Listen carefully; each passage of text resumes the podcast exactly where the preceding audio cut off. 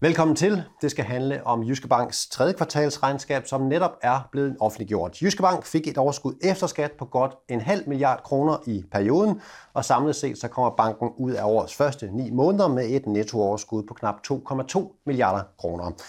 Velkommen til dig, ordførende direktør Anders Dam. Du har lovet at sætte et ord på det her regnskab. Øh, lad os prøve at starte med selve kvartalsresultatet, altså en halv milliard på bunden, men stadigvæk et resultat, der ligger 200-300 millioner kroner, kan vi sige, lavere end de kvartalsoverskud, der har været præsteret sådan i den forgangne periode. Hvad er egentlig årsagen til det? Jamen, hovedårsagen er uroen på de finansielle markeder, hvor aktie- og obligationskurser har sat sig markant.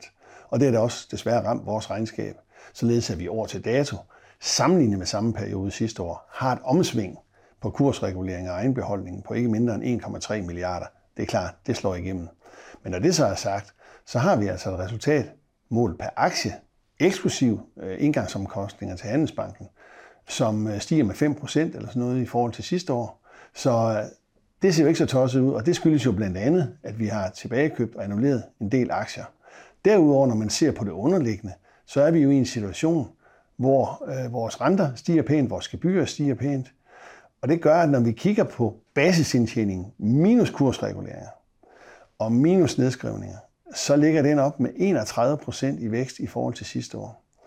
Øh, vores omkostninger er under kontrol, øh, så det ser egentlig ikke så galt ud. Og når vi så går ned på kapitaltallene, så er vi faktisk i en position nu, hvor vores kernekapital er helt op på 18,6 procent, og vores samlede kapitalprocent er på 23,6 procent. Og de to procenter er så høje nu, at Jyske Bank på trods af opkøbet af Handelsbanken kan undgå at udstede aktier. Det har vi meddelt tidligere men nu også kan undgå at udstede Tier 1-kapital, som i den mellemliggende periode er blevet meget dyr. Og det betyder, at vi har kunnet nøjes med at udstede noget Tier 2-kapital og noget NEP-kapital til at finansiere det her, og det gør, at investeringscasen holder, uagtet at renterne er steget pænt i den samme periode. Og, og nu er du inde og tale uh, Handelsbanken. Uh, myndighedsgodkendelserne kom på plads her uh, forleden fra uh, konkurrencemyndighederne.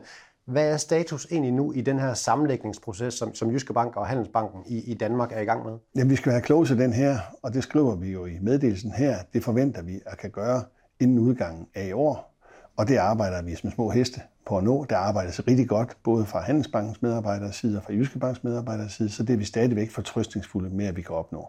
Og så glæder vi os ellers til, at det får close casen her, og kan byde Handelsbankens mange kunder og medarbejdere hjertelig velkommen i Jyske Bank og closed, altså og closing, den dag, hvor Jyske Bank formelt set overtager Handelsbanken. Hvad er det så på den anden side af den closing-dag, Anders Dam? Hvad er det for en bank, som både kunder i Jyske Bank og Handelsbanken kommer til at møde, og også medarbejdere i de respektive virksomheder? Jamen lige på den korte bane, øh, der er der jo ingen forandringer. Øh, og så begynder forandringen jo ellers at rulle.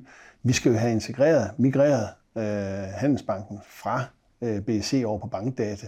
Det forventer vi en pæn del af 2023 kommer til at gå med.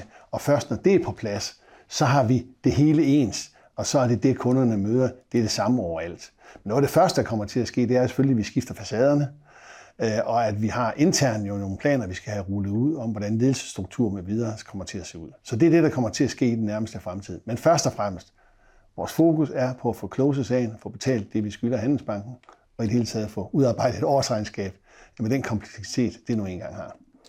Lad os lige prøve at vende øh, blikket ud øh, i verden. Altså, vi oplever energikrise, vi oplever højeste inflationsstigninger i, i 40 år, vi oplever dalende forbrugertillid herhjemme også, Anders Dam.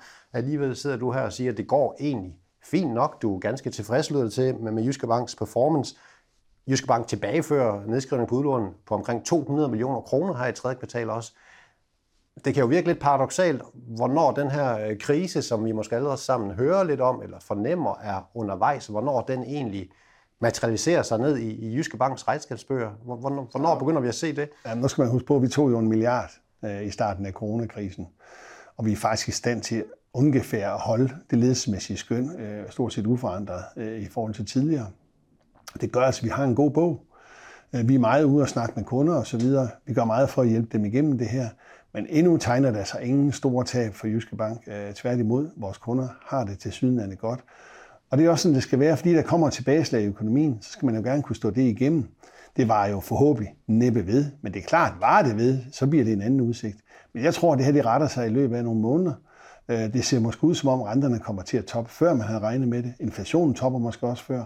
Det, der er fokus på fra min side, det er, om løninflationen går i gang. Og hvis vi ellers skal holde lønningerne i ave, så undgår vi at få den her pris-løn-spiral. Øh, og det vil sige, så kan det her hurtigt bukke af, så kan vi hurtigere komme ind i smult vande, formentlig i løbet af et par år. Nu det, der sker lige her på den korte bane, det er jo, at aktiverne skal reprises i lys af de forventninger, der bliver til fremtiden. Når det så er sket, og inflationen kører ned, og renterne har toppet, jamen så kan vi forhåbentlig komme ind i et mere konjunkturelt normalt forløb igen. Det håber vi. Tak for kommentaren, Anders Dam. Og øh, hvis du vil læse mere eller se mere om Jyske Banks regnskab, så er det bare at gå ind på jyskebank.dk. God fornøjelse med det.